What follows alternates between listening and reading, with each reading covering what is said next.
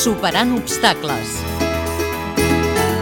Sant Jordi és també un bon aparador social per mostrar i explicar la diferència. L'Associació Catalana per a la Integració del SEC, ACIC, va iniciar l'any Braille enviant un punt de llibre per Sant Jordi amb sis propostes. Un dels seus objectius és donar a conèixer aquest alfabet i fer palesa la seva importància i la necessitat d'aplicar-ho en diversos àmbits de la vida quotidiana. El punt de llibre recull sis reivindicacions adreçades a institucions, responsables polítics, mitjans de comunicació i al conjunt de la societat catalana.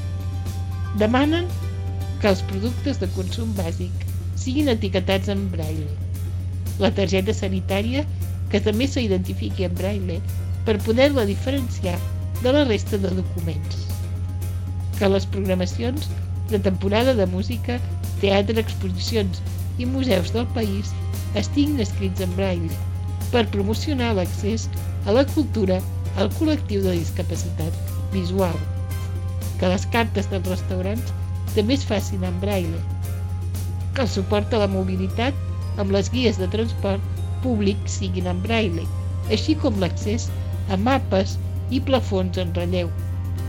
I, sisè, el reconeixement públic de la figura de Louis Braille com a inventor del sistema de lectura i escriptura per a secs. Per altra banda, la CIC va participar el passat dia 23 d'abril a les 24 hores de lectura sense pausa de Cerdanyola del Vallès, on alguns dels seus membres van llegir textos en braille. Més informació de l'Associació Catalana per la Integració del SEC la podeu trobar a la seva web www.webpacic.cat Montse Pous, periodista.